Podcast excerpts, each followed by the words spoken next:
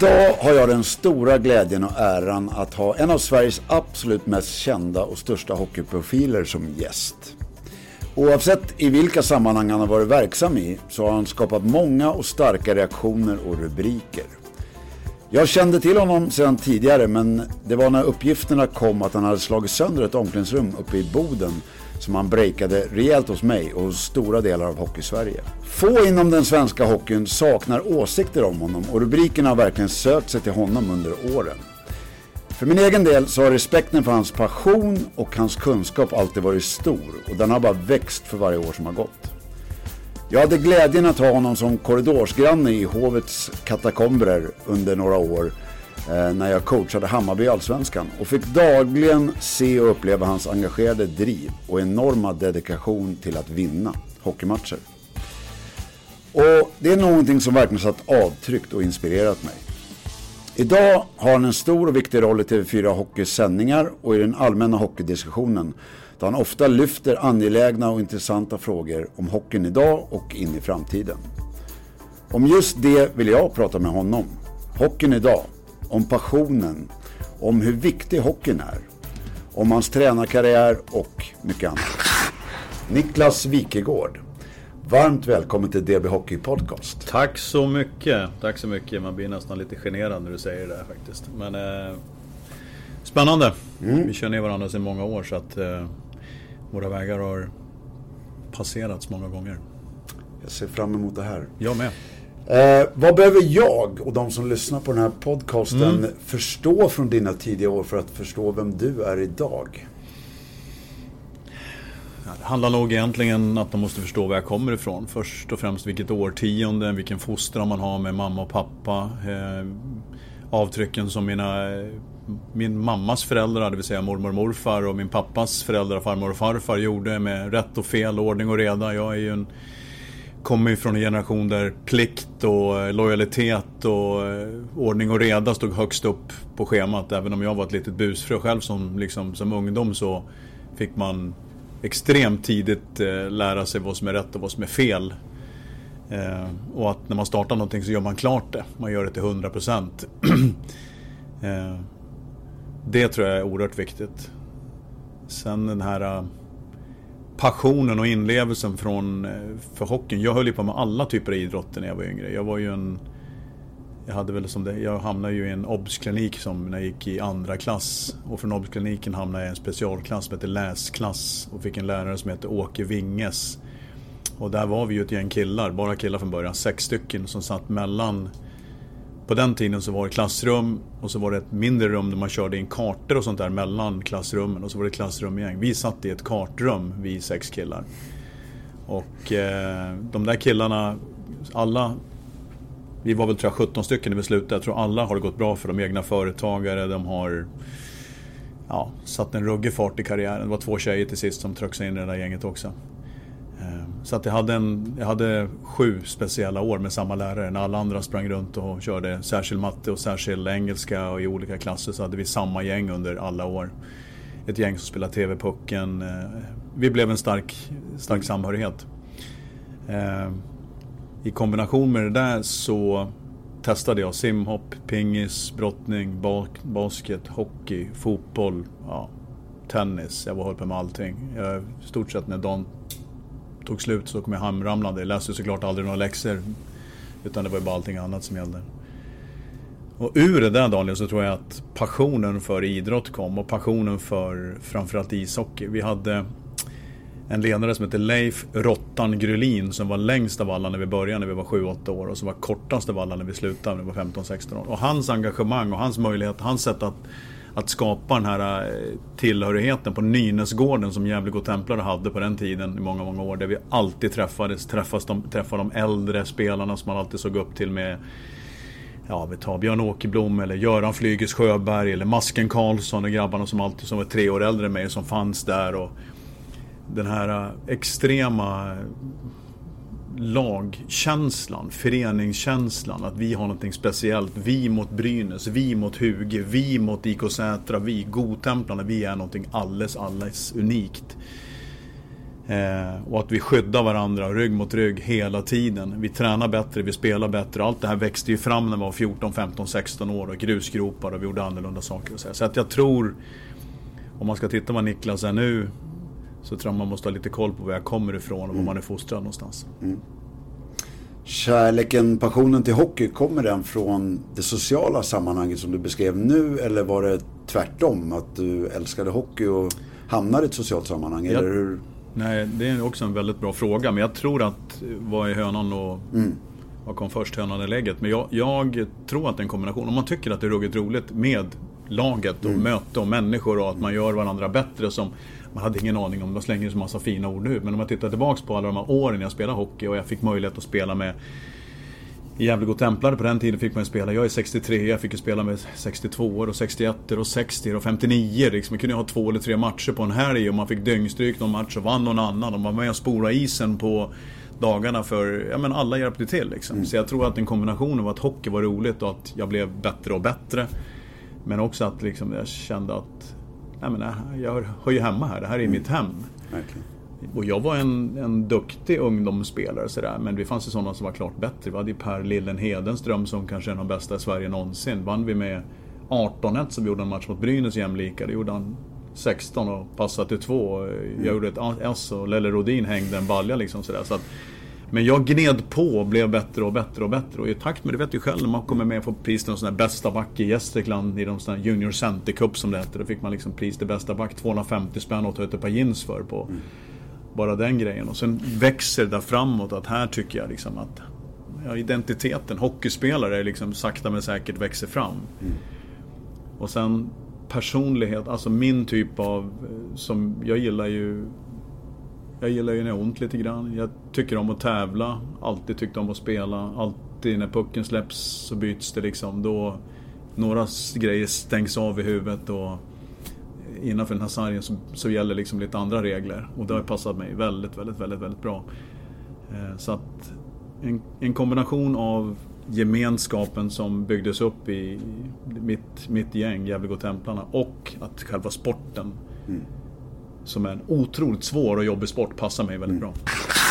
Ja, Jag tror att alla som har sett dig, följt dig, lyssnat på dig upplever dig som oerhört passionerad, engagerad, Eh, liksom stark drivkraft. Jag brukar använda ordet meningsfullhet. Att Känns det inne i magen, djupt i magen att det här är meningsfullt, det här är viktigt för mig, då kommer den här passionen. Och jag tror att mycket av det kommer därifrån. Du beskriver den här sociala samhörigheten, att man hamnar i ett sammanhang där man verkligen, där hockeyn är viktig. Föds du i Leksand eller Modo eller kanske Gävle också så du får nästan med modersmjölken liksom att det här är någonting viktigt. Eh, och jag tycker det där är jättefascinerande för jag tror det går att skapa sådana miljöer. Det går att skapa liksom sådana värderingar innanför våra murar mm. om vi gör det på ett bra sätt. Mm. Och då kan vi också ge ungdomarna en jäkla bra start på livet att få ingå i ett sådant sammanhang.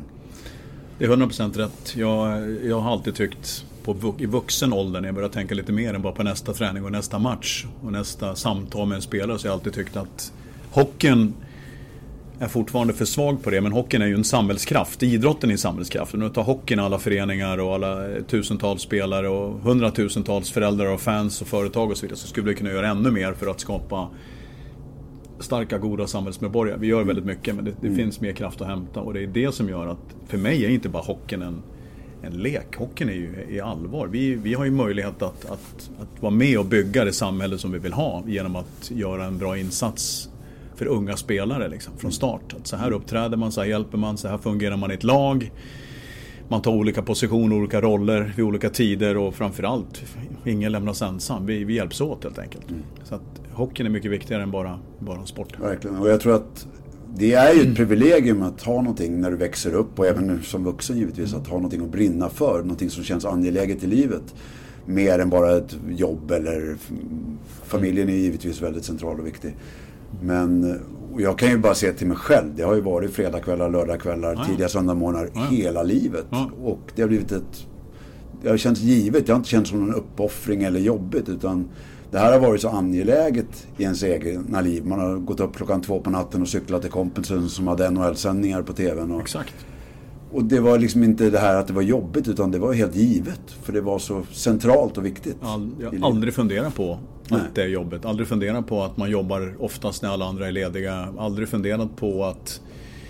Alltså det, för mig så blev det Jag hade ju en, ja, en resa inom hockeyn själv och sen blev det ledare och allt sånt där. Men liksom, jag har ju aldrig funderat på ersättning eller timmar eller semestrar eller eller någonting. Det har ju bara varit 100% hockey. Mm. Om man jobbar, antingen jobbar det eller så jobbar det inte. Antingen, antingen jobbar det eller så har du fått sparken. Mm. Antingen, det är liksom någonting, finns ju ingenting annat. Så att, men vilken, vilket privilegium att ha en sån liksom meningsfull vardag som, man, som jag har haft hela mitt liv. Man säger man. Jag har haft och har i hela mitt liv. Eh, Ja, den här TV-grejen som jag kör också här, den har jag gjort nu i 18 år. Jag skulle göra det ett år eller två kanske. Så jag har liksom hamnat kvar Jag tycker att det är meningsfullt. Framförallt har jag så fantastiska arbetskamrater. Får träffa så oerhört många människor. Så att ordet meningsfullt som du säger, det är Ja, det är väldigt bra Då kommer det inifrån tycker jag. Ja, det gör verkligen det. Men jag fattar ju också att nu kanske inte det rör några av de som lyssnar på den här podden för de flesta är nog intresserade av hockey. Men mm om du inte har något intresse av idrott och hockey så fattar ju jag att en sport som hockey kan ju vara svår att förstå. Hur kan man dedikera, mm. dedikera så stor mm. del av ens liv för något sånt här? Alltså, löpning, det är tydligt. Spring fort så är du duktig. Eh, hoppa högt eller långt, det är tydligt. Simning, tydligt. Hockey är ju så oerhört komplext mm. och det är så många parametrar. Och skulle du kunna sätta ord på varför du och även jag liksom varför man kan bli så oerhört dedikerad, lägga ner så mycket tid, ägna i stort sett ett helt liv åt det här. Mm. Stå på en is, på en liten stålskena, en liten gummibit, klubba och någon som försöker köra över dig. Ja, nej men det är ju rätt enkelt egentligen. Jag tror man, man blir förälskad i någonting helt enkelt från start. Och den, den förälskelsen övergår ju snabbt till någon typ av djupare kärlek och man bryr sig. Och sen att man, att man kan och har möjlighet att påverka Eh, hockey är ju, ser annorlunda ut nu än vad det gjorde för många år sedan men det har alltid varit lag och jag älskar ju lag. Jag älskar ju jag älskar den här processen som är i en grupp. Jag älskar att titta på processer och studera processer, vad som händer i, i ledarskapet och så vidare. Men från början bara att nej men det här är min sport, ingen kan ta den, ta den ifrån mig. Utan, eh, Ja, precis som alla andra kan bli intresserade av om det är IT eller någon annan typ av idrott eller man vill göra för något. För något. Så hockey blev ju min grej och jag, ibland har jag nästan skämts liksom. Vad är det för hobby säger de? Hobby? Ska vi se här. Eh, jag lirar lite golf och jag gymmar lite grann. Och, men ja, det är ju hockey. Mm. Det är liksom jobbet, mm. hobbyn, det jag bryr mig om, det jag tittar på, det jag funderar på och så vidare. Och jag har ju oerhört svårt att Även trots att jag inte är involverad med något lag så är det svårt att stänga av det. För alla mina kompisar runt omkring som jag pratar med dageldags rör sig i samma vatten hela tiden. Mm. Så att om jag har 30 samtal på en dag, vilket är väl rätt normalt, så är 25 av dem rör ju ishockey. Örebro mm. nu, för målvaktsspelet. Oj, oj, oj, oj, oj, oj. Oh, Abbott-bröderna har fått sparken. Oj, oj, oj, oj, oj, oj. Ding, ding, ding. Vad hände där? Ja, men då såg det han TV-pucken där. Ba, ba, ba, ba. Så det är bara hela, hela, hela tiden. Och så har man 10% med lite lite andra entreprenörsuppdrag runt omkring. Och jag älskar ju att vara i det där äh, samtalet och har blivit bättre på att sortera. Förr kunde jag åka, åka jag menar vi har ju så fantastiska experter, eh, Staffan Kronborg de här som är nere mycket på detaljer. Och, jag var ju mycket nere på detaljer när jag för 20-25 år sedan. Då var jag ju nere på isen och jobbade med det du gör och alltså tyckte jag kunde en hel del. Och, precis lärde mig en massa saker på Bosön, fysiologi och jag var liksom, körde ju fysträningarna själv i många år och allt sånt där. Nu har jag liksom i åren som går och kanske intresse skiftar så är man ju mer intresserad av kultur och beteenden och liksom hur får man flera att liksom gå i takt och känna delaktighet och så vidare. Mm. Så därför när man lyssnar på Staffan och de här som är så extremt detaljerade och duktig på, eh, på, på mm. hockeyn om man säger så. Så blir man ju bara rackarns vad det går framåt. Det där är inte jag nere på så mycket. Mm. Men, och det är också det som är hockeyn tycker jag. Folk tycker, jag säger hockey. Men hockey är ju så jävla komplext. Mm. Det är så sjukt. Och det, utvecklingen bara matar ju på. Mm. Vilket jag blir jätteimponerad av. För man pratar, ah, du är old school.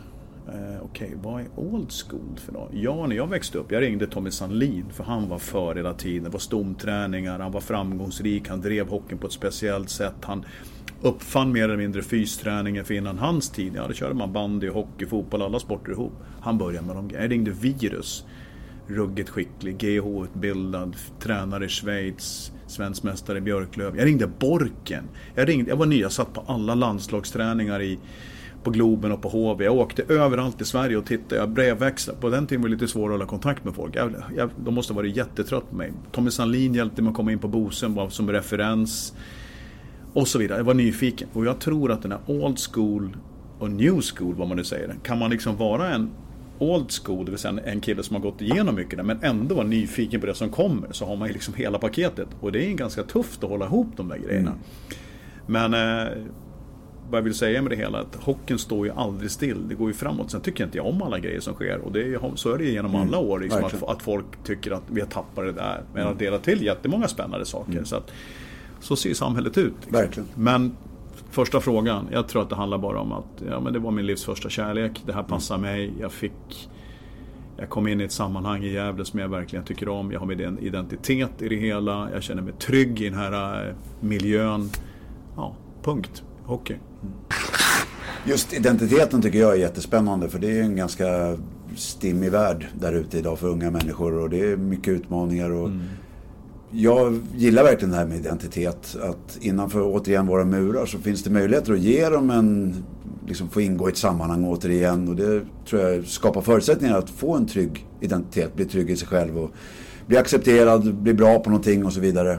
Finns det faror med en sån identitet? Eh, finns det någon, liksom, är det en tunn is att för mycket identifiera sig som hockeyspelare eller hockeytränare? Jag tror att där är balansen. Jag tror att där har säkert du gjort ett, ett hästjobb genom åren också. Jag är mer att jobba med äldre spelare men ett hästjobb att att alltså, identiteten sitter inte vad du gör på isen utan identiteten sitter vem du är som människa. Att du duger hela tiden. Mm. Menar, att du gör saker bra. Att du kanske blir bra på att passa tider, du genomför din träning, du sover bra, du äter bra, du klarar av skolan. Alla de här sakerna. Det skapar ju en, en självkänsla att jag är bra. Mm.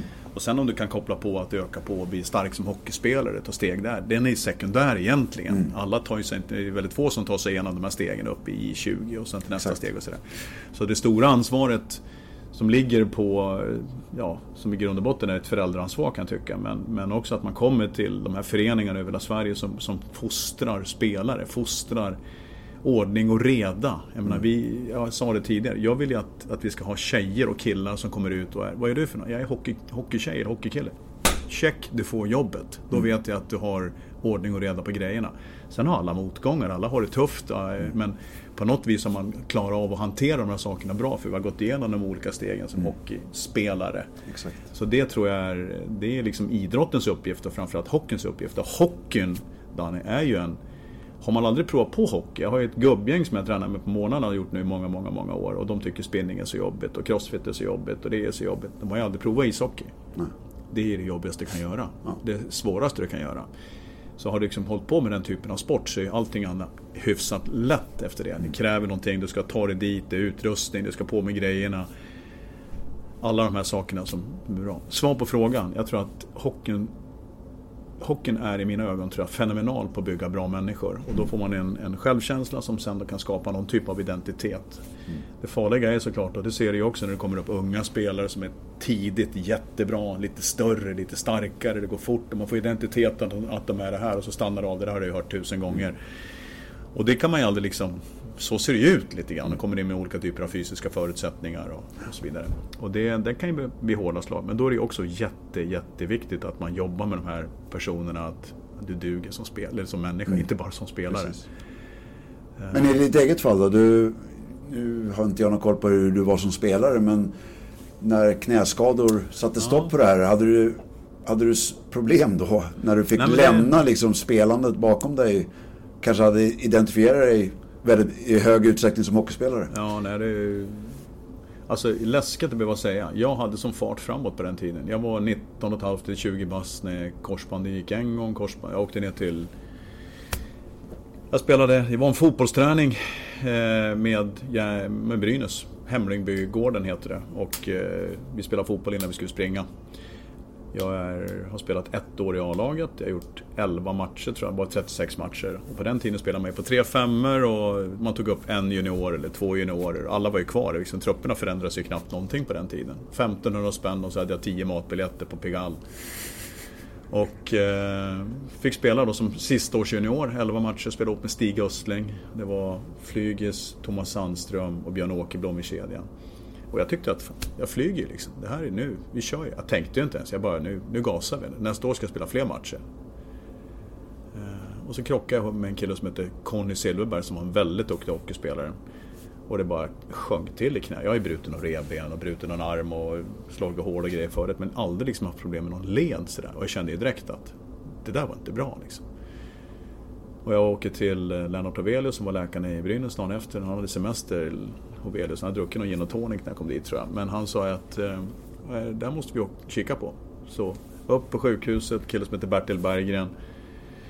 Drog några streck på morgonen där, skickade in mig fyra och en halv, fem timmar senare vaknade jag upp på eh, uppvaket och sa ja men det var främre korsband, inre ledband, yttre ledband, meniskler och ett annat. Jag förstod knappt vad Va? Vad händer? Och så också, eh, det kan inte Stigge gilla att jag säger det, Stigge Salming. Jag gillar Stigge Salming, han är också en, det är också, det kanske man ska prata om, när man är fostrad av den typen av personlighet som Stigge var, det som det gällde med Tord Lundström och Stigge Salming, liksom där beröm var ganska överflödigt, utan det var en blick eller en nickning eller någonting. det blir på ett speciellt sätt. Men i alla fall, ligger där nyopererad, morsan har varit där med lite tidningar. Lamborghini kommer jag ihåg var en tidning, eh, lite bilar, det var Lamborghini på framsidan. Då kommer Stig upp och det första Stig säger så här, vad har du ställt till med nu då? Inte liksom, fan jag hörde korsband och vi tar hand om dig och du kan räkna med att vara kvar och det ska rehabbas och utan vad har du ställt till med?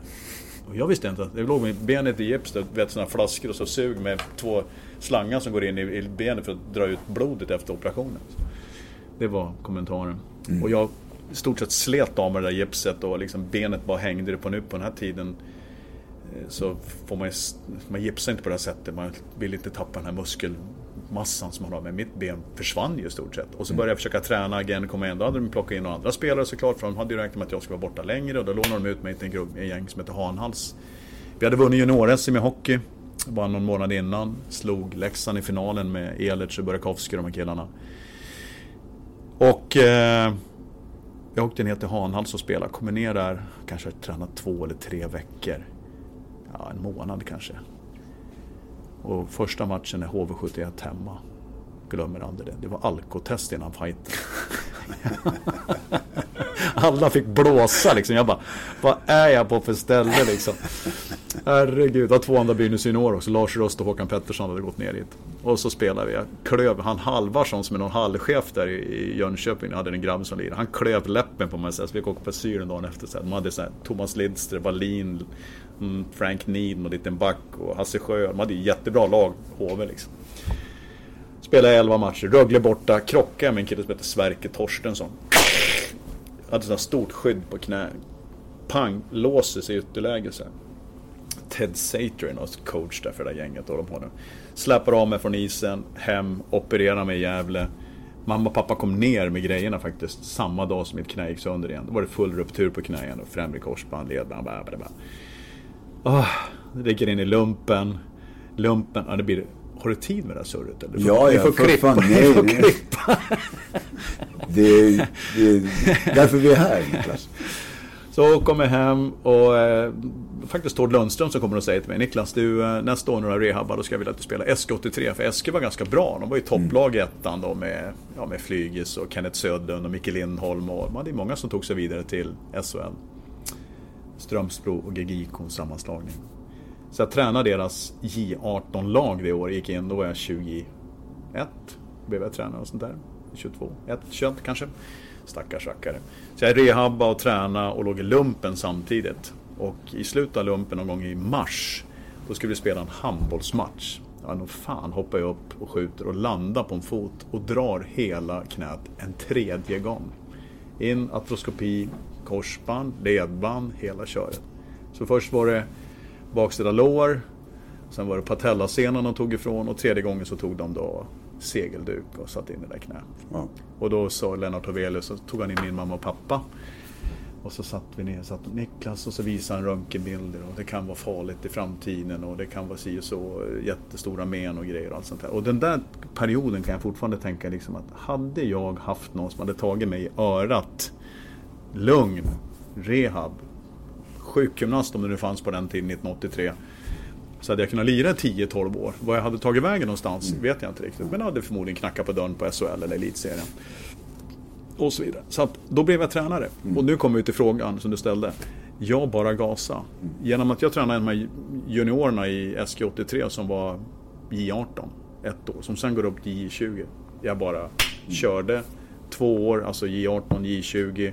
Sökte Bosön, fick kontakt med Väsby Hockeyn, Anders Sören som var tränare, blev assisterande tränare där. Och sen bara hittade jag liksom återigen, hitta min församling, hitta min kyrka. Nu jävlar ska det köras! Och jag kom in i Väsby Hockey som var världens häftigaste gäng. Men jag kom ihåg att jag grät för jag tyckte de tränade dåligt. Jag grät för jag tyckte de var oförberedda. Jag grät framför dem för jag var så jävla irriterad för jag tyckte att det var inte elit, det var inte köra. Och sen efteråt tänkte jag liksom, fan de måste ha skämts för mig en del. Jens-Ivar Mackegård och Johan Barry Lundqvist och Edholm. Men jag, jag kom in där i Väsby liksom, det var ju där det hände någonting med mig liksom. Att nu, 23 år gammal, kom igen nu! Men det var Bosön som tog det till... Det var Bosön som tog ja. mig dit. Så jag gick tre år på Bosön, ja. sån här idrottsfolkhögskola. Så det körde jag. Där hände det Jag grejer. hörde ditt namn, eh, för jag pluggade där ett gäng år efter dig. Och Bara du var, bra. Du var fortfarande omnämnd då. Då pratade fortfarande om Niklas Wikegård. Jag körde, Bosön. körde rollban i elevbostäderna där. Ja, ja. Så var det. När har du mått som allra bäst under din hockeyresa? Spelare, tränare, ja. det du jobbar med idag, media? Alltså, jag tror inte... Jag tror aldrig att jag har mått så bra som... Jag tror aldrig jag mådde riktigt bra inom situation. Vad är jag att må bra som hockeytränare mm. liksom? Det är ett påslag hit och dit, en inre stress. Det man ska hinna med familjen, man tycker man... Eh, alltså den svåra är ju att vara ramkompetent egentligen. Mm. Jag känner att okej, okay, jag är här men jag borde nästan vara där. Så man hoppas och slits emellan. Och jag var nog som... Jag mådde nog som inom situationstecken då, för man har ju någon typ av, eh, nu kallas det för eh, vad heter det för vad, vad, vad, säger man nu när man har en psykisk ohälsa? Mm. Vad är det för något egentligen? Ja, en kraftig inre stress och ett påslag att klarar jag verkligen det här? Och får jag sparken och varför vinner vi inte och varför passar han så dåligt och varför är han mindre bra? Jag vet alla de här grejerna tankarna som får genom huvudet har säkert haft samma grej mm. tusentals Nej. gånger också. Och sen eh, får man ändå i den här röran vara lycklig att man får stå i båset och känna den här kraften från publiken och tillhöra en förening. Så att de tre sista åren där i, i Djurgården, eh, 02, 03, 03, 04, 04, 05. Det var ju jättedåligt 03, 04. Vi åkte mot Frölunda med 8-1, 8-1 någonting där. Men i den perioden började jag få ordning på, på mitt eget ledarskap. Liksom. Mm. Var duktig på att delegera. Såg till att alla ledare var inkluderade, tycker jag på ett bra sätt. Mm. Hade, tycker jag, ett, ett bra förhållningssätt vad jag kan påverka och inte påverka. För att det jobbigaste som ledare är ju att hela tiden känna att jag duger inte. Eller att jag eh, har inte lärt Staffan Kronvall eller Staffan Kronvall gör ett misstag eller någon annan gör ett misstag. Att det är mitt fel att det blir ett misstag på isen. Man tar allting personligt. Mm. Jag var i alla fall så. Jag mm. tror att det där kommer med åldern. Att man kan på något vis säga att jag har gjort en så god träning jag kan. Jag har förberett laget så bra jag kan utifrån vad jag kan. Sen får det liksom ske och sen då har man matchen och matcha sådär. 02 till 05, de sista tre mm. åren. Eh, kanske till och med lockoutåret där mådde jag nog som bäst. Det var med Garpen och Robban? Garpen och Robban, ja, mm. precis. Och det är fantastisk hjälp av dem, men också av Patrik Högberg, fystränaren, eh, Schumacher, eh, Johan Kellerstam, Johan Engdahl. Alla de här killarna som var i det gänget var ju jättestarka och tajta. Och sen då hockeyspelarna såklart med Micke Johansson och alla vad vi nu var där liksom. Så att vi det är ju hela en tävling. Jonny kom upp, Kollar kom upp, Kristoffersson. Det var många liksom yngre spelare. Vi hade Robban, Robban Nilsson, vi hade Patrik Thoresen. Och sen då så kom det in massa NHL-killar som Tjerkavski och de här grabbarna också. Men, men 04-05 eh, åren innan där, då började jag liksom få ordning på mitt ledarskap. Då gick jag från att vara en spretig spelare som liksom på något sätt klev in och blev ledare. Då mådde jag bra. Det du beskrev om alla de här jobbiga känslorna, brottningsmatcherna man har mm. invärtes. Mm. Det kan jag ju verkligen känna igen själv från när jag coachade både allsvenskan och juniorlag och så. Mm. Många gånger man satt på Essingeleden hemma och det mm. liksom hade ont i kroppen och mm. det var, känns som man hade gått igenom en trafikolycka i stort sett. Liksom, rent känslomässigt. Är det någonting du kan sakna så här i efterhand? För mm. att när jag tittar tillbaka så ryggdunken och jublande hovet, det är ju härligt. Mm. Men det är nästan de här jobbiga brottningsmatcherna som jag inte kan uppnå idag. När man inte jobbar med den här extrema elitidrotten. Det där är ju, som, det där är ju elit. Mm. Prestera. Det handlar ju bara om en enda sak. Vinna. Vinna, mm. vinna, vinna, vinna, vinna. Och sen då i slutändan vinna sista matchen. Vilket bara ett lag gör. Och hur man tar sig dit. Och alla de här mentala utmaningarna. Vad ska jag säga? Hur ska jag göra? Hur ska jag få fram det som är viktigt. Du vet att sent på kvällen, bara om några timmar står jag framför laget igen. Jag ska samla min ledargrupp. Hur förankrar jag det här i laget? Hur skapar jag ett nytt tillstånd? Försöker stänga en dörr för att öppna en ny dörr och så vidare. Det är en process som går hela tiden. Och mm. Det är en... Ja, man räknar aldrig timmar men det är också någonting. Jag, jag, jag, hade ju en, jag hade en ram. Jag satt mig i bilen på Johanneshov och åkte fram till Eugeniatunneln, vilket inte alls är långt, men under rusningstrafik kan det ju ta sina 30 minuter. Mm. Där ringde jag alla samtal, där fixade jag, där försökte jag liksom lösa allting som skulle lösa dagen efter. Ringde till min, han hette Anders Antonsson som hade hand om media och press. Anton, du får ta det här, ring det, babidi Sen stängde jag, så lyssnade på ljudbok till mm. Sigtuna, 30 minuter till. Kom in, ställde av med skorna.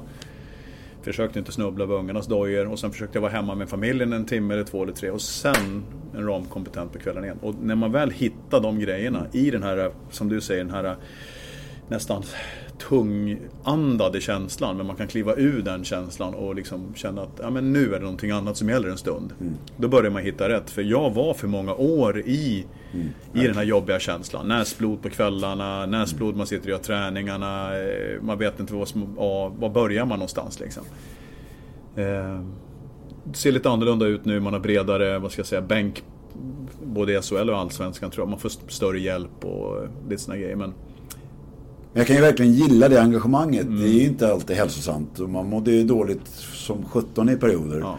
Men det, samtidigt är återigen den här drivkraften och det här meningsfulla. Och när det är viktigt för dig, oavsett om det är hockey eller familjen eller någonting, då gör man ju nästan vad som helst för det. Ja, den känslan är jäkligt härlig tycker jag. Den är ruggigt härlig och jag, jag älskade ju att åka in till, till Hovet, eller till var jag nu var någonstans. Mm. Öppna dörren och kliva in i omklädningsrummet och liksom känna doften, kaffet är mm. påslaget, musiken ligger där. Nu ska vi, idag ska vi göra en riktigt bra träning. Och jag ska mm. hinna prata med han och han och han och han och han och vi ska sätta de här grejerna för imorgon är det match mot dem och babri bibri babri Jag älskar den här liksom grejen, att hänga kvar efteråt, gjorde vi en bra träning. Hur såg Danne ut? Han etta eller två eller tre eller fyra eller fem? Han var en mm. trea, varför var han trea för?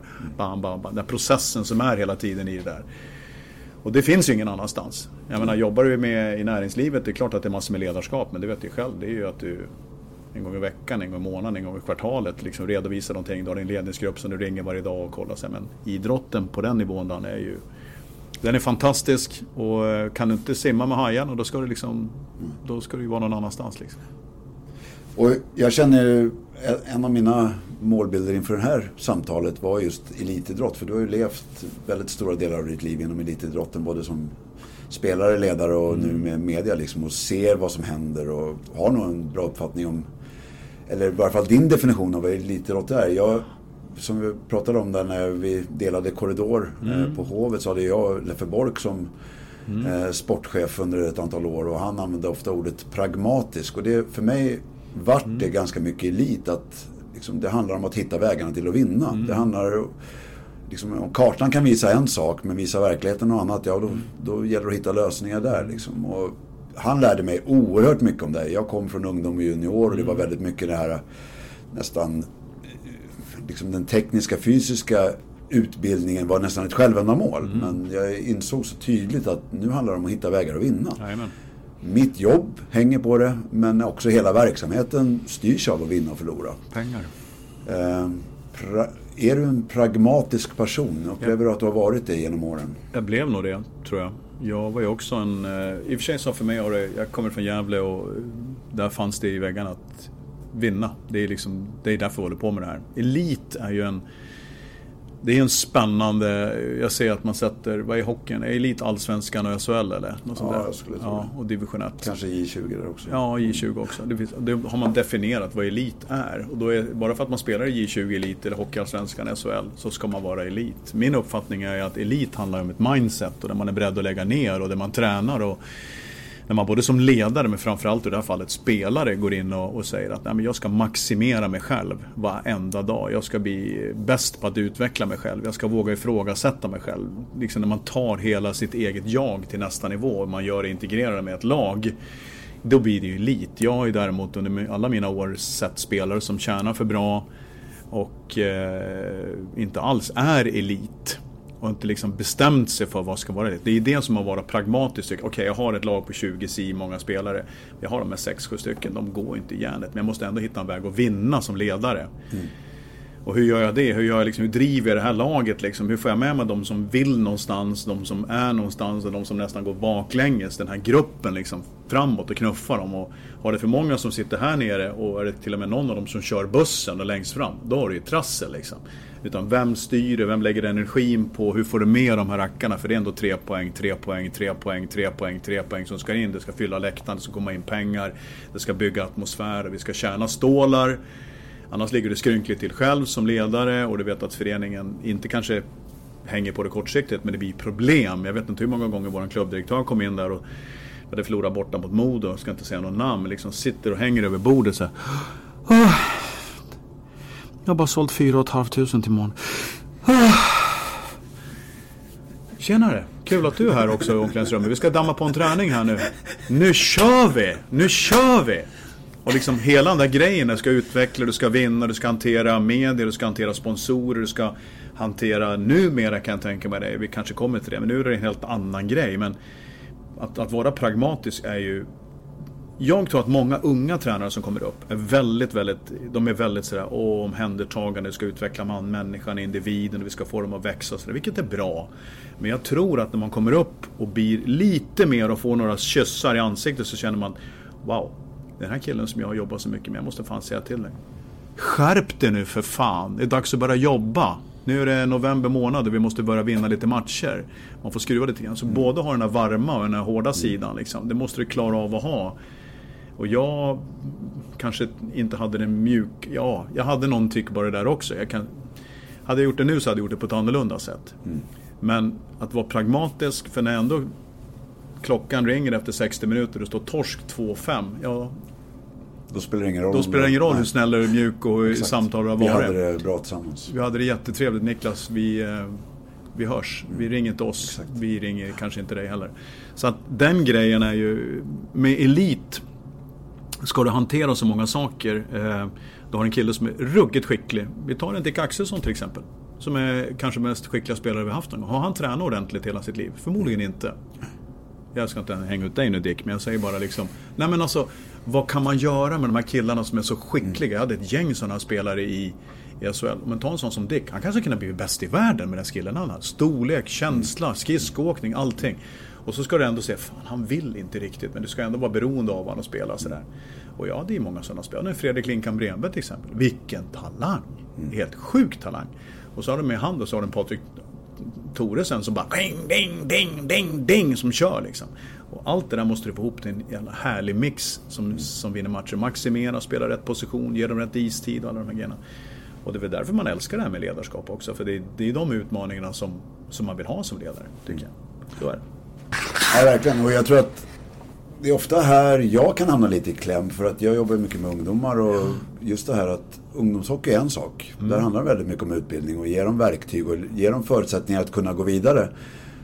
Elit är något annat för där är det liksom resultaten som styr väldigt mycket och det är det vi ska sträva efter. Och jag kommer ihåg där, jag nämnde det för Bork, vi hade en hel dag där vi satt och gick igenom ett gäng case. Mm ledarstaben har tagit upp juniorcoacherna och just det här, vad är elit? Vad innebär det att vinna? Och då var ett av casen, kommer jag ihåg, att är det okej okay att medvetet åka in i motståndarnas målvakt för att få honom i ett annat mindset eller kanske till och med göra illa sig. Absolut. För att vi ska vinna. Absolut. När vi då pratar om att gå upp i SHL eller vinna SM-guld eller vinna Stanley Cup. Ja. Är det okej? Okay? Och pratar jag med en 12-13-åring så är det givetvis inte okej. Okay. Men när du är på den här nivån när det är liksom do or die och det är vinna som är det centrala. Den typen av frågeställningar tror jag, den tycker jag är jätte, jättespännande. Ja. När det liksom krockar med det moraliska. Ja, och det är den frågeställ de frågeställningarna som har, där man blandar ihop utbildning, bygga individer, skapa goda människor till att man kliver upp till nästa nivå där det handlar om att eh, nå resultat helt enkelt. Och jag, jag tycker att det är för lite av det där nu för tiden. Eh, att det är för lite eh, mind games och det är för lite sådana saker uppe i SHL eller vad det kan vara för dem. Men eh, och det har blivit så känsligt att prata om. Det har blivit så känsligt. Man, alltså människor lägger allting i samma korg. Ja men där, där gör vi inte på det här sättet. Där är vi schyssta, vi gör inte det, vi, ställer, vi pressar inte, vi spelar inte ut de här korten som kanske känns lite obehagliga. Men här, här kan vi spela ut de här korten. Det är ju en helt annan grej och jag tror nästan att där förväntar sig de som sitter på läktaren på Hovet att de här korten ska spelas ut. För de har gjort tidigare. Det har Håkan Södergren gjort, det har Mörten gjort, det har Thomas Eriksson gjort, det har de gjort sedan alla år. Och de ska spelas ut. De, det här är det för att vinna. Borken han hade sin, jag tror det till och med hette våldtäktshockey som de sa att det mm. var någonting på 80-talet där. Vilket låter ju helt fruktansvärt. Men hans stora starka spelare på gränsen.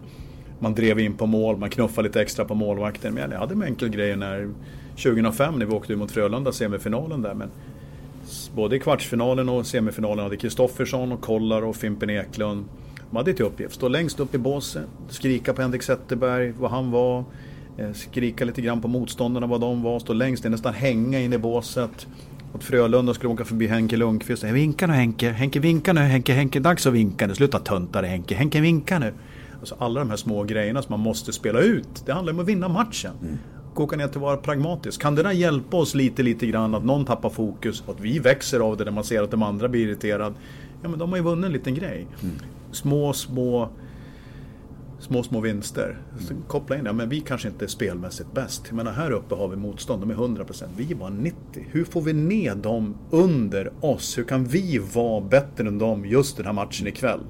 Vad kan jag göra för att förbereda laget? Vad kan jag göra under matchen? Vilka kort har jag att spela ut under matchen?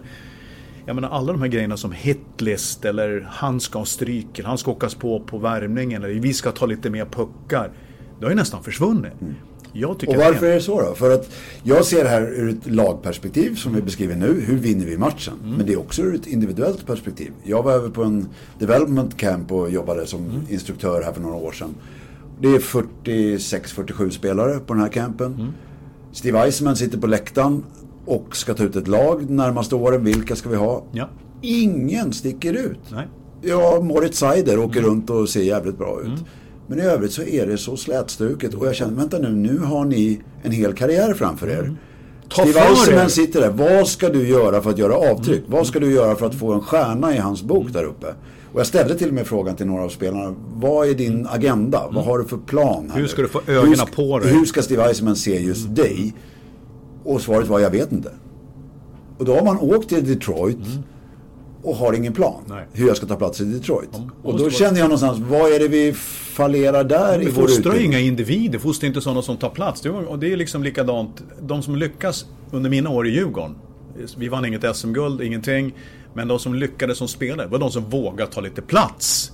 De som vågar stå där inför 7, 8, 9, 10 eller på Globen med. Jag menar, här är jag, nu jävla kör vi. Och de kommer ju fram som, alltså vi måste, vi måste utbilda människor, spelare som som känner att men, nu är det min tur. Nu steppar jag upp här. Jag ska se, jag ska dela ut första tacklingen, jag ska slå stopp och fråga vad fan vill du? Eller jag ska våga pucken lite extra eller You name it, vad det är för något. Vilken roll man nu har, vilken spelartyp man nu är så måste man liksom ta det steget upp. Mm. Och eh, jag ser inte det i SHL heller. Jag kan mm. se hur många hockeymatcher som helst bara. Det är far åt alla håll och kanter. Jätteduktiga hockeyspelare, de flesta av dem. Men ingen sticker ut. Mm. Moritz Seider. Han kommer hit. Han är han är fan junior när han kommer hit. Han är den enda som har försvarat sig med klubban. Han är den enda som gör offensiva tacklingar. Han sätter folk på röven. Och han kommer in som tysk junior och total... Nu vet jag att han är en special, att han är jättetalang. Men ändå, det var ju nästan lite skämmigt kan jag tycka. Och där pratar vi mindset. Där man... pratar vi mindset. Han kommer bara in, han är stor. Vi har sett jättemånga stora spelare men det händer ju ingenting. Moritz Seider, kom och ta med det för fan. Och grejen var att vid sidan av, för vi, han var ju med under den här campen och vi lärde inte känna honom men vi pratade en hel del. Och världens skönaste person. Det var ju liksom ingen douchebag som gick runt och var... Han var jätte, jätterolig, jätte, jättetrevlig och så när han gick ut på isen så var han en maskin. Ja, alltså, det var... Men Nej, alltså, jag håller med dig. Själv, alltså, vi, måste, vi, vi, säger jag. Det är inte alla som vill det här. Det är, de ska slimpa igenom det här lilla hålet. De som kommer in där måste vara mer än bara en, en hockeyspelare. De måste ha mer än bara skridskor, skills, en hyfsad fys och så vidare. Utan de, de måste ju... Det är det jag kan tycka med när jag ser Frölunda spela. Som, eh, be om ursäkt Roger, fantastisk verksamhet, alla är bra tränare, går som tusan. Ingen sticker ut. Jag ser ingenting. Det är bara ging, ging, ging, ging, ging, ging, ging. Vem ska jag titta på? Jag har ingen lirare. Jag har Malte Strömwall ibland som kommer in och gör en skön grej så liksom tappar pucken eller han är som han är. Men vi måste ju ta fram de här som sticker ut. Jag kunde gilla en Adam Edström som är lite större i Rögle som tacklar någon. Eller en Lesund som... Nu tog jag två mm. fysiska spelare, det behöver inte vara det heller. Nej. Utan det kan ju vara spelare som bara känner att nej, men jag står... En Bristedt till exempel som jag tyckte var intressant att titta på när han tar charge på isen. Liksom fostra spelare som vill göra skillnad. Och sen då få in dem i systemet, få in dem i lagtänket. Liksom. Och få dem att få de här unga individerna att förstå det. För återigen Detroit, det är 46-47 spelare där som är av Håkan Andersson och gänget bedömda som tillräckligt skickliga. De har verktygen. Jätteduktiga. Men det är en jag ser. Mm. Det är Moritz Seider. Mm. Resten är där. Mm. Och ja, där var det en skön grej. Men det är inte det här, wow, här händer det grejer. Det är... Och den det tror jag är en otroligt viktig del i utbildningen, att dem att förstå. För att jag brukar säga det, den stora skillnaden när jag går från ett allsvenskt lag till ett SHL-lag till ett NHL-lag, det är just det här att ta ansvar för sin egen situation. Amen. Tittar du i ett SHL-lag, de flesta står i kö. De mm. står i ledet och gör som polaren framför eller som tränaren säger. Medan i NHL, där är det mer, det är upp till mig mm. att göra det här nu. Mm. Man skyller inte på någon annan eller väntar på att någon ska öppna dörren. Utan det är jag som får fixa det här. Liksom. Ja, ja. Nej men... Och så, jag har alltid liksom Okej, okay, Patrik Hörnqvist, fantastiskt framför mål. Thomas Holmström som jag tränar i Bodens, fantastiskt framför mål. Varför blir inte fler spelare sjukt duktiga att stå framför mål? Mm. Och rör sig, rörelseschema, styra puckar, vrida, vända, hitta, sätter på sig grejer och så vidare. Och tjänar en ruggig massa pengar på det. Varför, varför analyserar man inte? Jag vill spela på den positionen för där är duktig att skydda pucken så, det kommer passa mig. Det kommer passa mig. Där kommer de att se mig, där kommer jag få spela längre upp i laguppställningen. Att man liksom som spelare börjar förstå liksom hur ska jag få plats? Hur ska eh, Micke Holmqvist i Djurgården se mig lite extra? Hur ska jag sticka ut mm. liksom? Och det, det, är klart, det kanske inte är så lätt när man är 22, 23, 24, 25 år gammal. Det kanske man måste få hjälp med. Och säga att du har de här egenskaperna, du har de här egenskaperna, bygg på dem. Det var som, det var som Inge Hammarsen sa till mig för hundra år sedan. Ja. Om det är hyfsat på skridskor, hyfsat att skjuta, hyfsad fys, hyfsad, hyfsad, hyfsad, hyfsad. Blir du ingenting. Men du har ett jävla skott! Då är det nyttigt. Mm. Eller någonting. Är du med vad jag menar? Exakt. Det måste ju ha någonting. Oj, nu får han pucken på blå. Nu kommer det hända grejer. Mm. Eller han får skiss. Han, nu kommer det hända grejer. Och det tror jag är en... Thomas Holmström satt man och skrattade åt på första landslagssamlingen och tänkte vad fasen har de tagit med honom för? Vad är det för stapper liksom? Ja, ja. Han bara stapplade runt på isen ja. liksom. Så att, eh, hur bra som helst. Och han är ju tjurig. Han var ju liksom, vet, träningarna med Boden han hade ju en... Ja, Holmström alltså. Piteå-kille. Grät på övningarna vet du. Och, ja, vilken lirare. Vilken lirare alltså.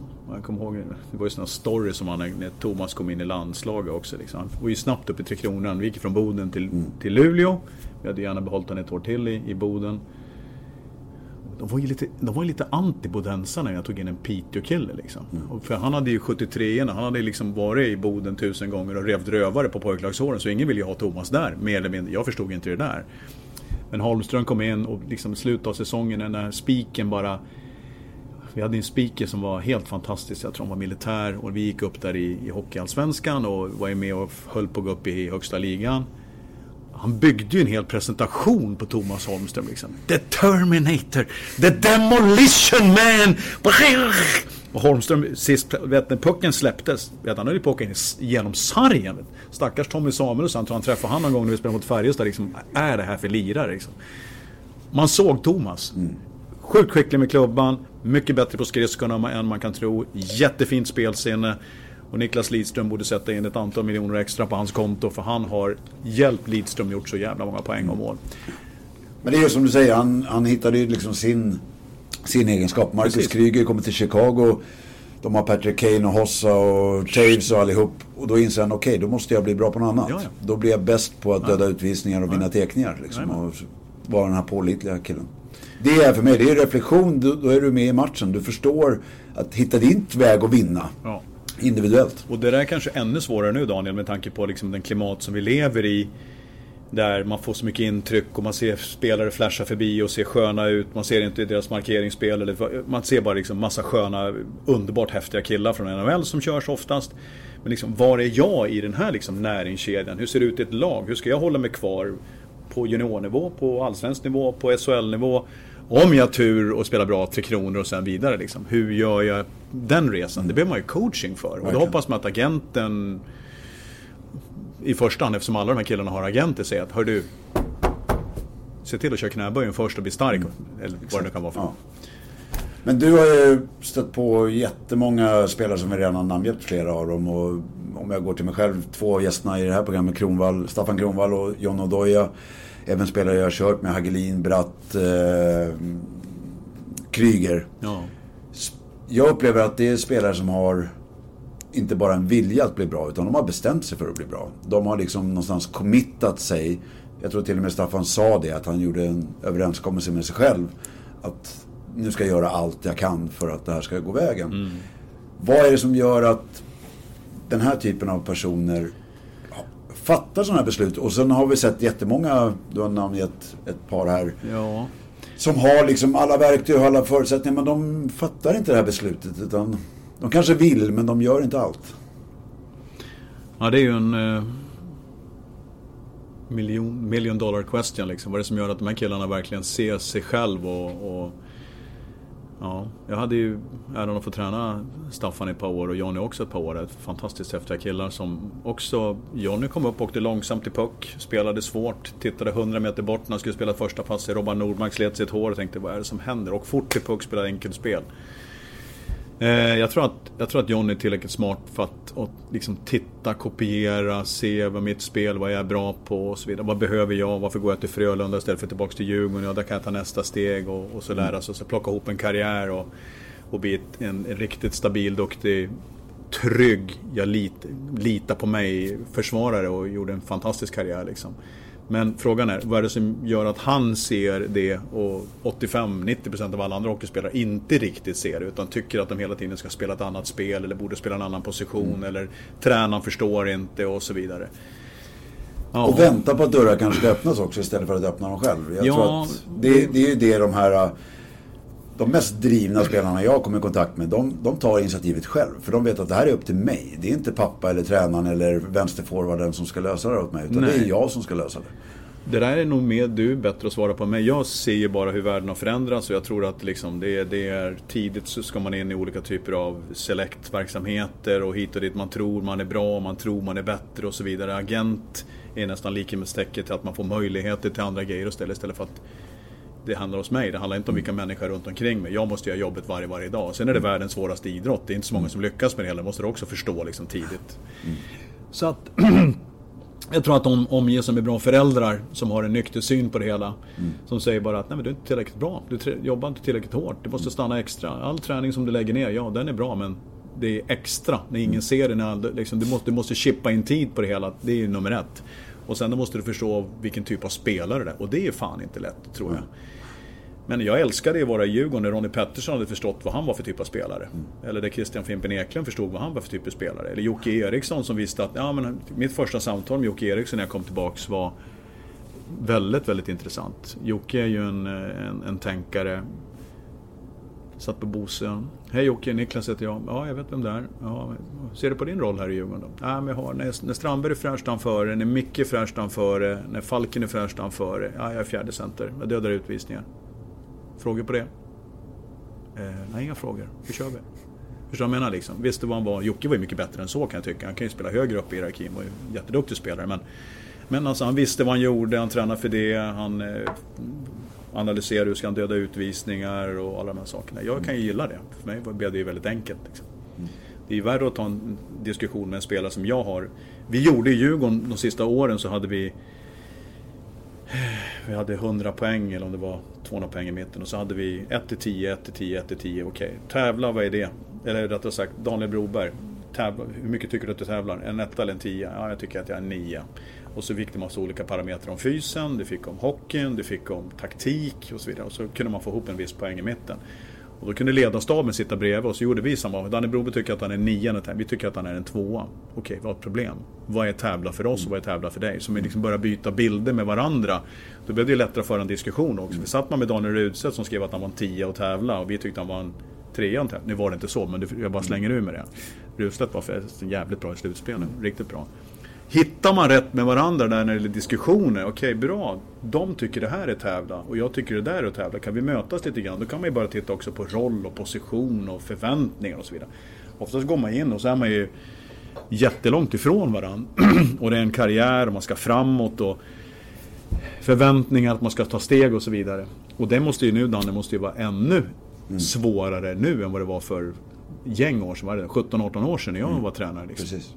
Nej, jag håller helt med och jag tror att vi befinner oss i, med en generation som får höra hela tiden hur duktiga de är. Och det är liksom, vi pratar curlingsamhälle och hela den här biten. Det, det, det, blir svår, det blir en krock när du då ska kliva in i elit hockeyn där det är väldigt krasst. Ja. Du har fått höra hela ditt liv att du är så jäkla duktig och mm. du får dunkar i ryggen. Vilket i grund och botten är bra kanske att skapa en trygg liksom, uppväxt. Mm. Men det är tuffare spelregler när du kommer upp då. Det Återigen, det är upp till dig. Det är inte upp till pappa eller eh, coach eller någonting. Utan det är du som ska lösa det här.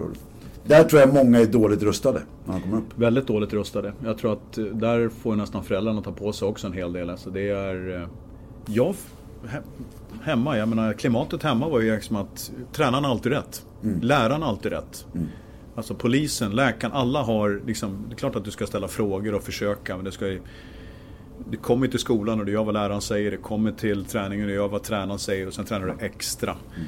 Nu känns det som att man ifrågasätter tränaren, vad mm. han gör för min son. Och man ifrågasätter om det är rätt istid. Man ifrågasätter och ifrågasätter. Det måste vara jättejobbigt att vara spelare hemma när mm. föräldrarna sitter hemma och tycker en, en annan sak än vad tränaren tycker. Och pratar om sin son eller sin tjej och så vidare. Det måste bli total kortslutning i huvudet. Så att, och har du riktig oflyt så har du en agent som kommer med en tredje ja, precis. också. Exakt. Och så polarna tycker också att du borde spela med för de har sett mm. någon match och sådär. Så att mm. Det börjar med att morsan och farsan säger så här. Du äh, spelar det här laget så då är det tränaren som bestämmer. Och mm. tycker han att du ska spela så mycket, då spelar så mycket. Spelar du för lite, då får du träna mer och spela bättre. Mm. Exakt. Och in the long run så är det det som kommer löna sig. För att det är sådana spelregler som väntar ja, längre fram. Skulle jag komma in i en förening någonstans så skulle jag sätta jävligt tydliga sådana spelregler. Mm. Jag skulle såklart lyssna på spelare och, men, men i slutändan så är det liksom innanför de här väggarna, det är de här ramarna som mm. gäller. Och de rubbar vi inte på. Och passar inte det, då får du spela någon annanstans. Mm. Punkt.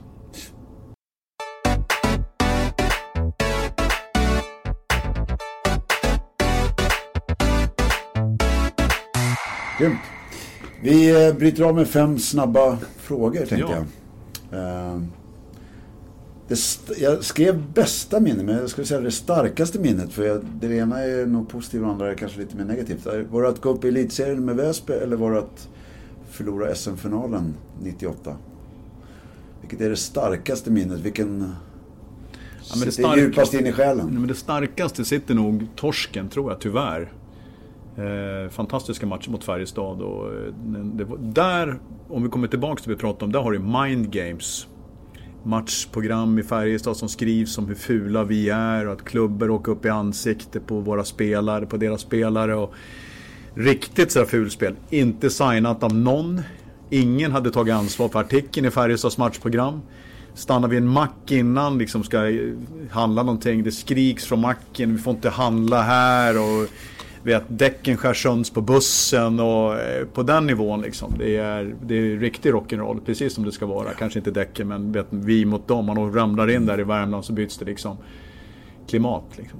Eh, och vi förlorade den här matchen som var en bra serie. Vi hade mycket gärna kunnat vinna, vi hade lika många lägen. Så jag tycker man kan, vi vann serien, Färjestad var tvåa i grundserien. De vann femte avgörande matchen på övertid. Jämnare så blir det inte. Men det är klart att när guldhjälmarna ligger uppradade bakom våran, eller våran bänk och två gånger så smäller den här BOOM! när man tror att vi har gjort mål. När Viktorsson har ett läge, Putte Eriksson har något läge. Och sen då så Greger smäller in pucken och de får bära över guldhjälmarna till andra båset. Den är lite jobbig sådär liksom. Men eh, man kan skratta åt det nu men det är, det är någonting som framkallar eh, starka känslor faktiskt. Så. Eh, samma år som ni gick upp med Väsby så spelades enligt mig de bästa matcherna som någonsin har spelats. Eh, 1987 i Canada Cup. Mm. På ena sidan stod, med, det minns en tekning när Messier, Gretzky, Lemieux, mm. Coffey och Bork mm. stod på ena sidan och så Larionov, Makarov, Krutov, Kasatonov, Fetisov på andra sidan. Vad hade du sympatierna? Kanada hade jag faktiskt på den tiden det var på något sätt att ryssarna eller Sovjetunionen hade slagit oss så många gånger och det var lite mystiskt med de Jag har sett den här matchen hundra gånger. Mm. Jag, går, jag, går, ofta in på YouTube och kikar på den också. Jag tycker mm. det är så häftigt. Och sättet de spelar är väldigt skickliga spelare och med alltså Dennis, Dennis Potvin liksom tar fram och hit.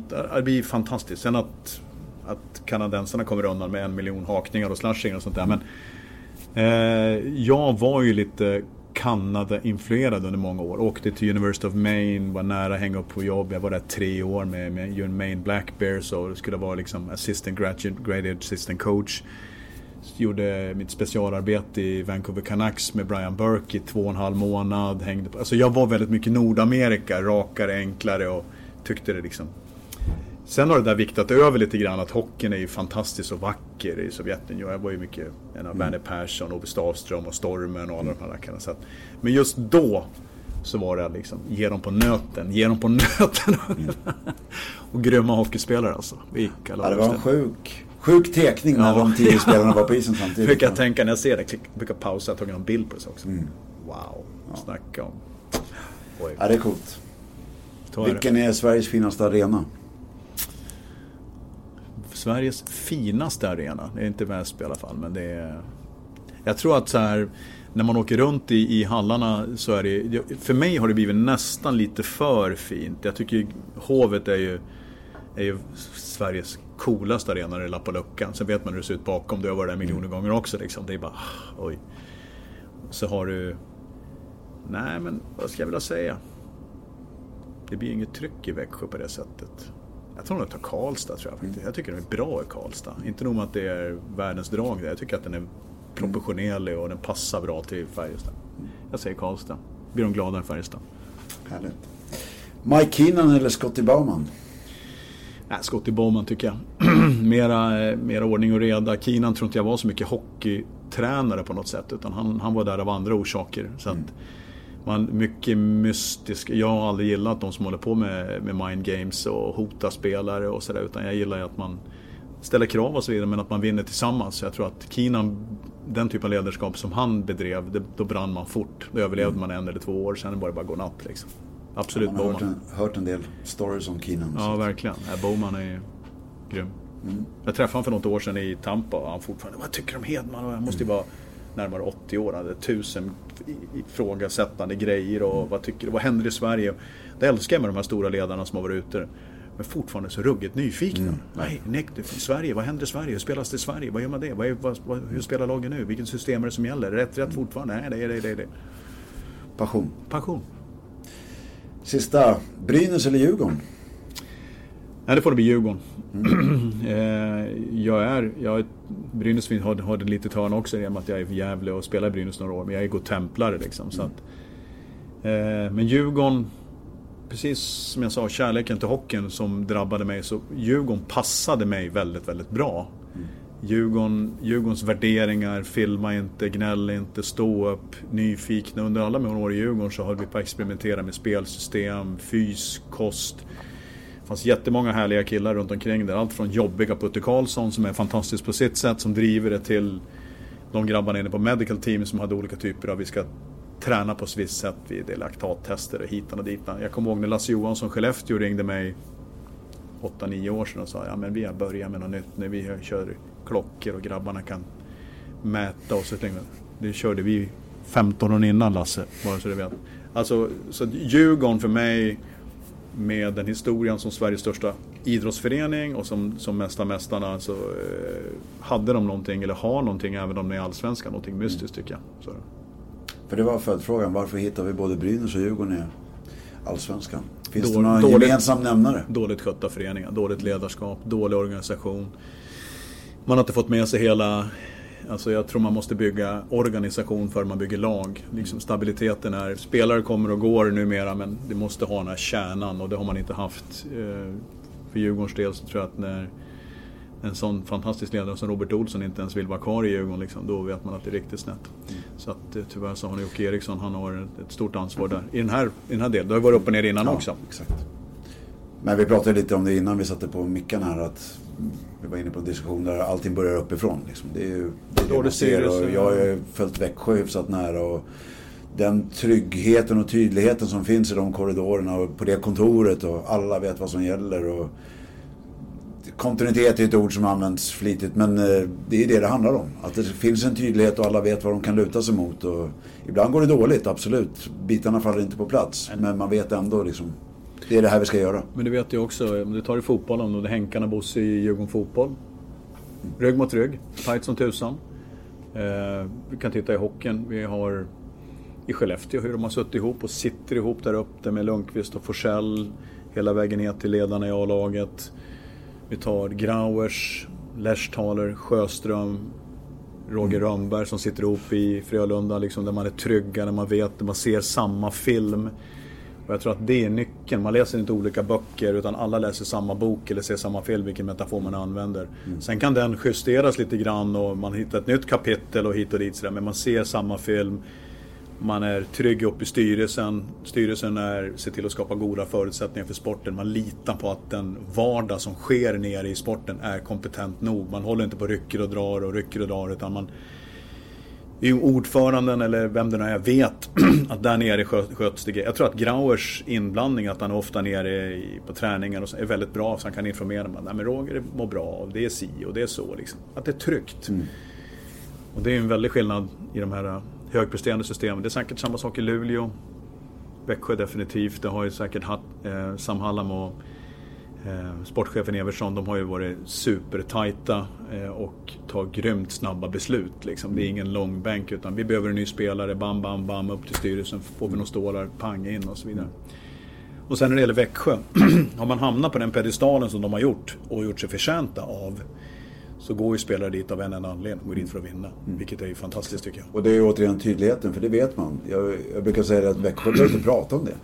De behöver inte prata om att vi ska vinna SM-guld, för Nej. alla som är där, Nej. alla som går dit vet att det är det de siktar mot. Och varje dag så är, jobbar ju som assisterande tränare som är kontinuerligt, som är duktiga. De har en stabil organisation där som har varit där i många, många år. De jobbar ju med utveckling också. Varje spelare ska ju såklart ta steg på alla sätt och vis. Men i grund och botten så värvar de ju dit ett lag som har resan, när resan börjar så vet de att sköter vi korten rätt så är vi med och knackar på dörren i år igen. Liksom. Det är liksom inte vad står vi och vad gör vi utan bam, så här ser det ut. Så här. Imponerande. Varför blev inte du sportchef i Djurgården?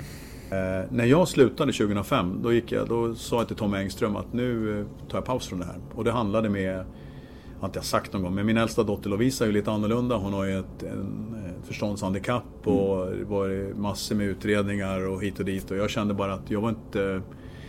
Nej men, fokusera på mig själv, fokusera på framförallt på familjen. Det var det som var hela mm. grejen. Då tänkte jag göra ett eller två år. Och så var jag lite nyfiken på lite andra saker och ting. Så när jag tog det beslutet så kändes det som att vad skönt, nu ska jag göra det här i ett, två år kanske. Mm. Jag blir 18 år. Liksom. Mm.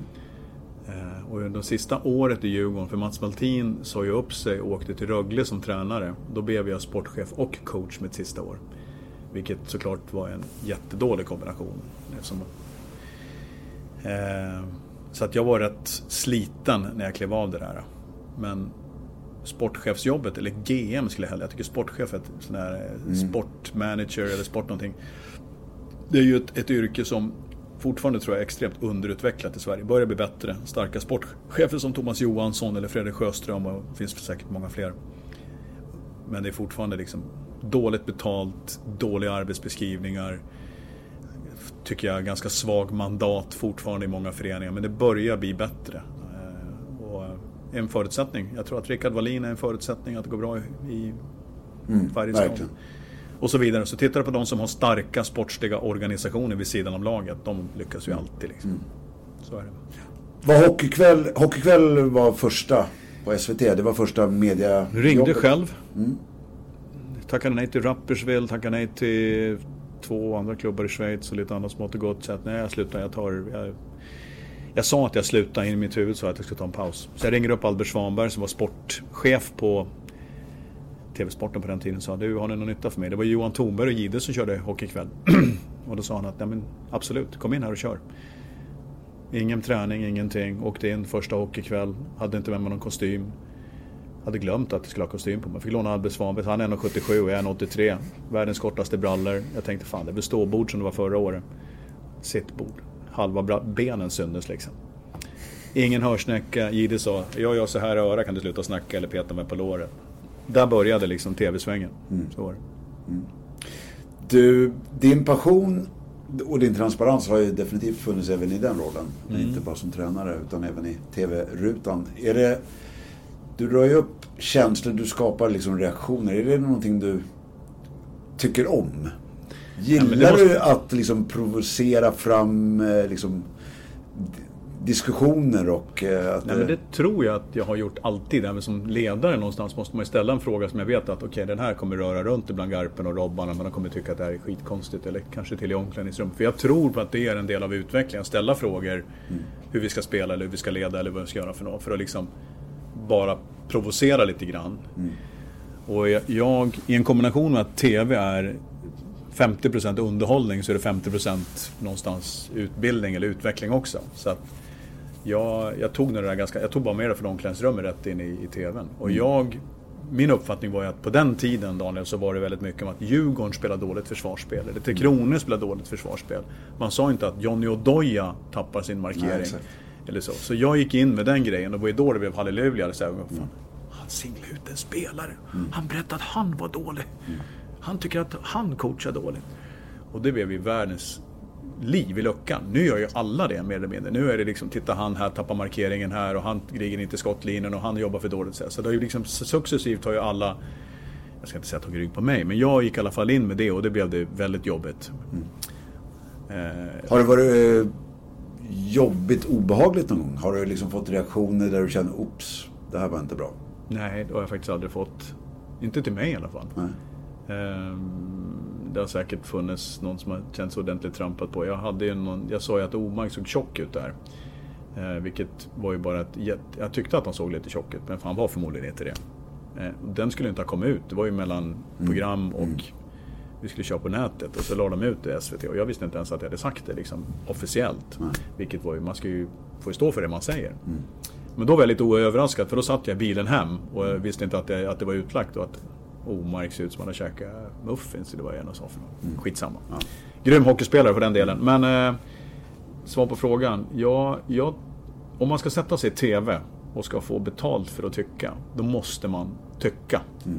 Annars tycker jag man kan Annars kan man göra någonting annat. För det är ju hela rollen att underhålla. Jag gillar det så mycket med Petter Rönnqvist som underhåller på sitt lugna härliga sätt. Staffan med sitt extremt passionerande sätt liksom. Mm. Eller Almen som jag fått in nu som är liksom mm. så eh, han förstår media liksom. Mm. För när du slår på och betalar dina 600 spänn för att du ska kolla på hockeyn och så vidare så vill du ha mer än bara mm, Sportlogic-grejer. Det vill jag att någon liksom sticker ut och helst ska du tycka, eh, fan de tycker inte likadant och sådär. Så jag, jag har sagt det i många, många år. Elit eh, snedstreck underhållning. Mm. Det är ju det som vi måste konkurrera med alla andra tv-serier eller teatrar eller vad det är för något. Då måste det hända någonting hela tiden. Så sätter man sig där och bara liksom Nej, första perioden såg ju sådär ut och Nej men de spelar ganska bra och det är ganska mm. hit och ganska... Ja men då kan du lika gärna skita i det liksom. Exakt. Eh, två saker till att tycka till om då. Hur mår svensk hockey idag? Var, var står vi? Vad, vad är bra? Vad vill du ändra på? sparar den lättaste frågan till sist mm. där. Jag eh, kan ju titta som alla andra, liksom, hur många får vi draftade? Är vi konkurrenskraftiga på olika juniorlandslag och sådär? Det är väl tveksamt tror jag. Eh, jag tror att vi är lite... Det finns mycket att jobba på. Men den viktigaste biten för mig, Daniel, är liksom förr när jag växte upp, det var inte så länge sedan, eller när vi, jag var tränare, så skilde vi oss ut från andra nationer att vi var bättre att spela tillsammans. Mm. Sveriges 10 miljoner invånare, hade lite det Finland har gjort på de sista åren. Att Finland spelar sitt trap-spel bra, bättre tålamod och så vidare. Jag tror att Sverige, om, om, om det överhuvudtaget är viktigt att vi i Sverige har ett framgångsrikt Tre Kronor, vilket jag tror inte alla är överens om att det är så viktigt, så måste vi lära oss igen att spela tillsammans. Och där är vi ju inte nu, utan jag ser ju många gånger när jag ser juniorhockey, när jag ser även seniorhockey, vi spelar ju fem spelare som spelar själv där ute. Mm. Och eh, det här med att lita på och spela på klockan och var någonstans på isen man gör saker och ting och varför pinchar vi, pinchar vi inte och tredje gubben högt och de här grejerna. Innan min, in, alltså vi måste, jag tror att svensk hockey är på väg att bli osmartare. Jag tror att det är verkligen så. Och jag, vi kommer alltid få fram en Rasmus Dahlin, en eh, Mika Zibanejad, en Elias Pettersson. De kommer fram i de här klubbarna för att, och så dyker det upp en talang utöver det vanliga. Men den här vanliga höga elitkillen som vi litar på i, i Tre Kronor-tröjan eller det kan vara lita på. Man skickar över en Niklas Sundström som gör en fin karriär och är att lita på. Eller är det någon Henrik Zetterberg som är att lita på som blir stjärnor och så vidare. Där, där är jag orolig att vi tappar det hela. Mm. Och då jobb, du jobbar ju med skills och individuell utveckling och så här. Hur kopplar man ihop det när det är folk runt omkring? Men framförallt, hur gör man när det är när det spelas hockey på mm. riktigt. Mm. Och det är, man är trött som fan, det är mycket folk, vi spelar om poäng, elit, pragmatisk, hur vinner vi matcher? Där ser jag kväll efter kväll efter kväll efter kväll efter kväll efter kväll efter kväll efter kväll hur det bara Wow, kastar i mitten, tre minuter kvar. Mm. Oj, check, oj, ja, oh, hi. Ja, för precis det du är inne på. Det jag jobbar med idag, det är någonstans att ge verktyg till unga spelare som de kan luta sig mot längre fram. Ja. Men kan vi inte väva in det i det rent pragmatiska i Nej. hockey sense, mm. hur vi läser spelet, då är det waste of time. Ah, ja. Så att det är ju en pusselbit, men om vi inte lägger pusselbitarna runt den, ja, då är det ju återigen då är det bortkastad tid. Då gör vi det som ett självändamål och då, det vinner ingen på. Skills är fantastiskt. De är skickligare än någonsin spelarna nu. De har de nya klubbarna, skjuter som hästar fast de har armar som är smala som sugrör. Eh, de är, eh, alltså allting ser ju mycket, mycket bättre ut. Det som ser sämre ut är själva hockeyspelandet tycker jag. Mm. Och det är jag orolig för. Jag är helt säker på att det ser likadant ut i USA och Kanada mm. också. Att den här liksom smartheten är på väg att försvinna. Men om vi vill vara framgångsrika som nation internationellt, då måste vi nog backa tillbaka och säga att vi måste bli bättre att spela tillsammans. Mm. Eller så nöjer vi oss med att vi har 200 spelare i NHL och vi är jätteduktiga. Vi har en liga som drar 6200 i snitt i SHL och vi har en hockeyallsvenska som är den bästa andra ligan i hela Europa. Vi är nöjda. Men eh, vi får stryk av Tyskland eller mm. de här när inte våra absolut bästa spelare kommer. För får inte Sam Halland med topp 10-gubbarna, ja men då kan vi ryka mot vilket lag som helst. Mm.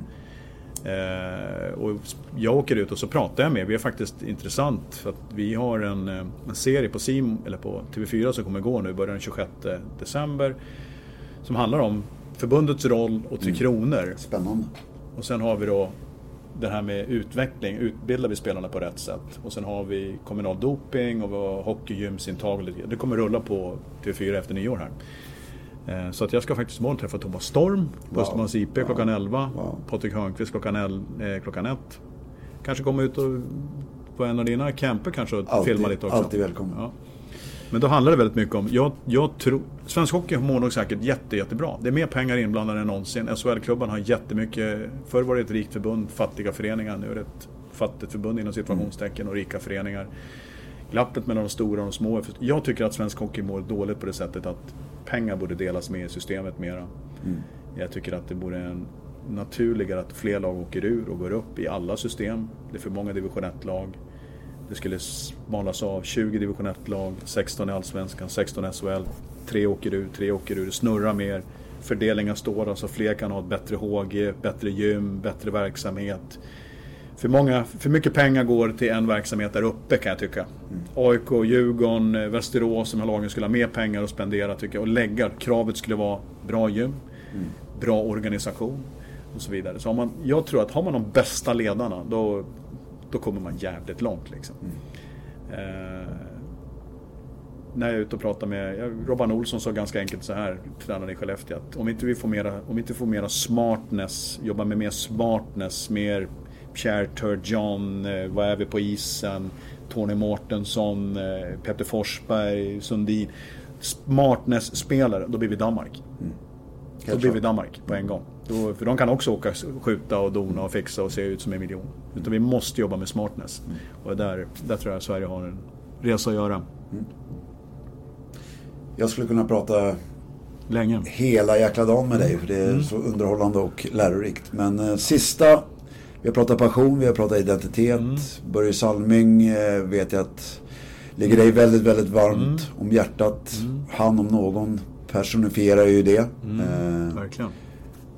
vad i hans legacy är viktigt att det lever kvar inför framtiden? Vad, vad behöver vi förmedla till framtiden? Han var ju, han var ju egentligen hela paketet. Liksom.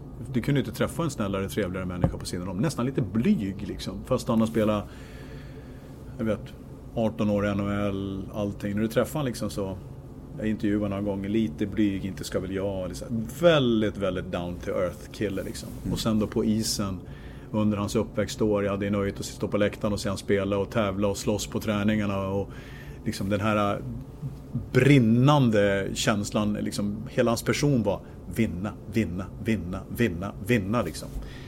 Och kommer ihop, alltså plocka ihop det med att vara den här killen som, ja men jag spelar för laget, täcker skott för laget, jag gör allt för laget hela tiden. Kan vi liksom plocka med de paketen som jag tycker Mats Sundin har, hade som spelare, liksom personlighet men också liksom ledare och spelare. Då är jag jättenöjd. Jag är helt säker på att Börje Salming, han ligger nu tyvärr i sin grav och vrider sig när han ser folk ligger kvar, filmar, förstärker, eh, för sig själv, göra alla de här sakerna. Så att Börje, jag tycker att i den här Börje Salming Trophy som delas ut varje år med, som är SHLs bästa back. Där ska man liksom lägga in mycket mer än bara att man har varit skillad. Jonathan Pudas, jätteduktig back, men det ska läggas in mer laggrejer liksom i det hela om det går och passionsgrejer i det hela. Mm. Och jag tycker att svensk hockey, inte bara Börje Salming, jag jag tycker vi är för dåliga på att hålla kvar minnet av, okej vi säger Mats Sundin, grabbarna nu, och vad gjorde han för något? Vad, ja men vad fan, skärp er. Skärp er för fan. Allvarligt talat. Mats Sundin, vet du inte vad han stod för, vad han gjorde, hur han såg ut när han spelade, vad han sa? Han kom till VM, utslagna tänder, jack i huvudet, han körde bara. Och stod Peter Forsberg på, den största krigare vi har haft någonsin. Med händer av silke och ett spelintellekt som var helt sjukt. Ta, ta, ta, ta, ta, tänk att kunna plocka ut de här, men det från han och det från han och det från han liksom och skjuta in i svensk hockey. Inget ont om Elias eller de här killarna som är superskickliga men fan. Och jag tror det är ju förebilder som väl, i mångt och mycket skapar drömmar. Ja. Som skapar liksom den Ja. här uh, tron om framtiden och man har någonting att sträva mot. Så att jag håller helt med dig att lyfta fram de egenskaperna. Och sist men inte minst ska jag vilja säga att jag tycker Tre Kronor är viktigt. Jag tycker förbund är viktigt. Jag tycker förbund är mesiga. Jag tycker förbund inte säger att vi bestämmer hur det ska se ut i svensk hockey. Sen får såklart Frölunda de att göra sin grej. Men alltså så här ska vi göra. Eh, ta tillbaks makten. Anställ bättre ledare, starkare profiler. Eh, jag skulle vilja att, att Svenska Hockeyförbundet någonstans liksom la sin hand på hela grejen igen. Och sen måste förbundet jobba med, och det är jag helt säker på att Sam Hallam vad de gör, att spelare som Elias Pettersson och de här killarna som är uppe nu och stjärn har förstått hur hjulet funkar. Jag menar, jag måste hem och spela VM om jag kan. För att det ska komma in pengar till förbundet så att nästa gäng kan åka iväg och, och så vidare. Det finns ju ett, ett, ett hjul där som snurrar. Och den lojaliteten vet jag inte riktigt om de har runt det där. För upplägget ser helt annorlunda. ut. De är lojala mot sig själv, sin agent, kanske sin klubb. Det låter väldigt cyniskt. Mot sin klubb såklart. Men det är ett annat sätt. Och jag, jag skulle vilja att, att vi alla med förbundets hjälp liksom skapar en, en, en lojalitet mot svensk hockey. När man har lagt av. Jag älskar att Patrik Hörnqvist är med på något hockeygympass, att han är med i Djurgården på något sätt. Jag älskar Staffan Kronwall som en Eker och gnuggar. Jag, alltså, måste ge, ge tillbaka till hockeyn. Men fan, det är ansvaret man har. Så är det. Tack snälla för allt du gör för Ja, svensk tack hockey själv. Niklas. Tack och detsamma. tack så hemskt mycket för det här samtalet. Tack. Nice. Fan vad jag bubblar alltså. Fan, vilket proffs du är.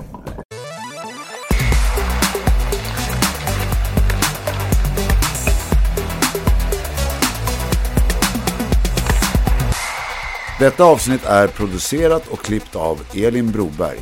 Musiken är gjord av Dennis Karlsson.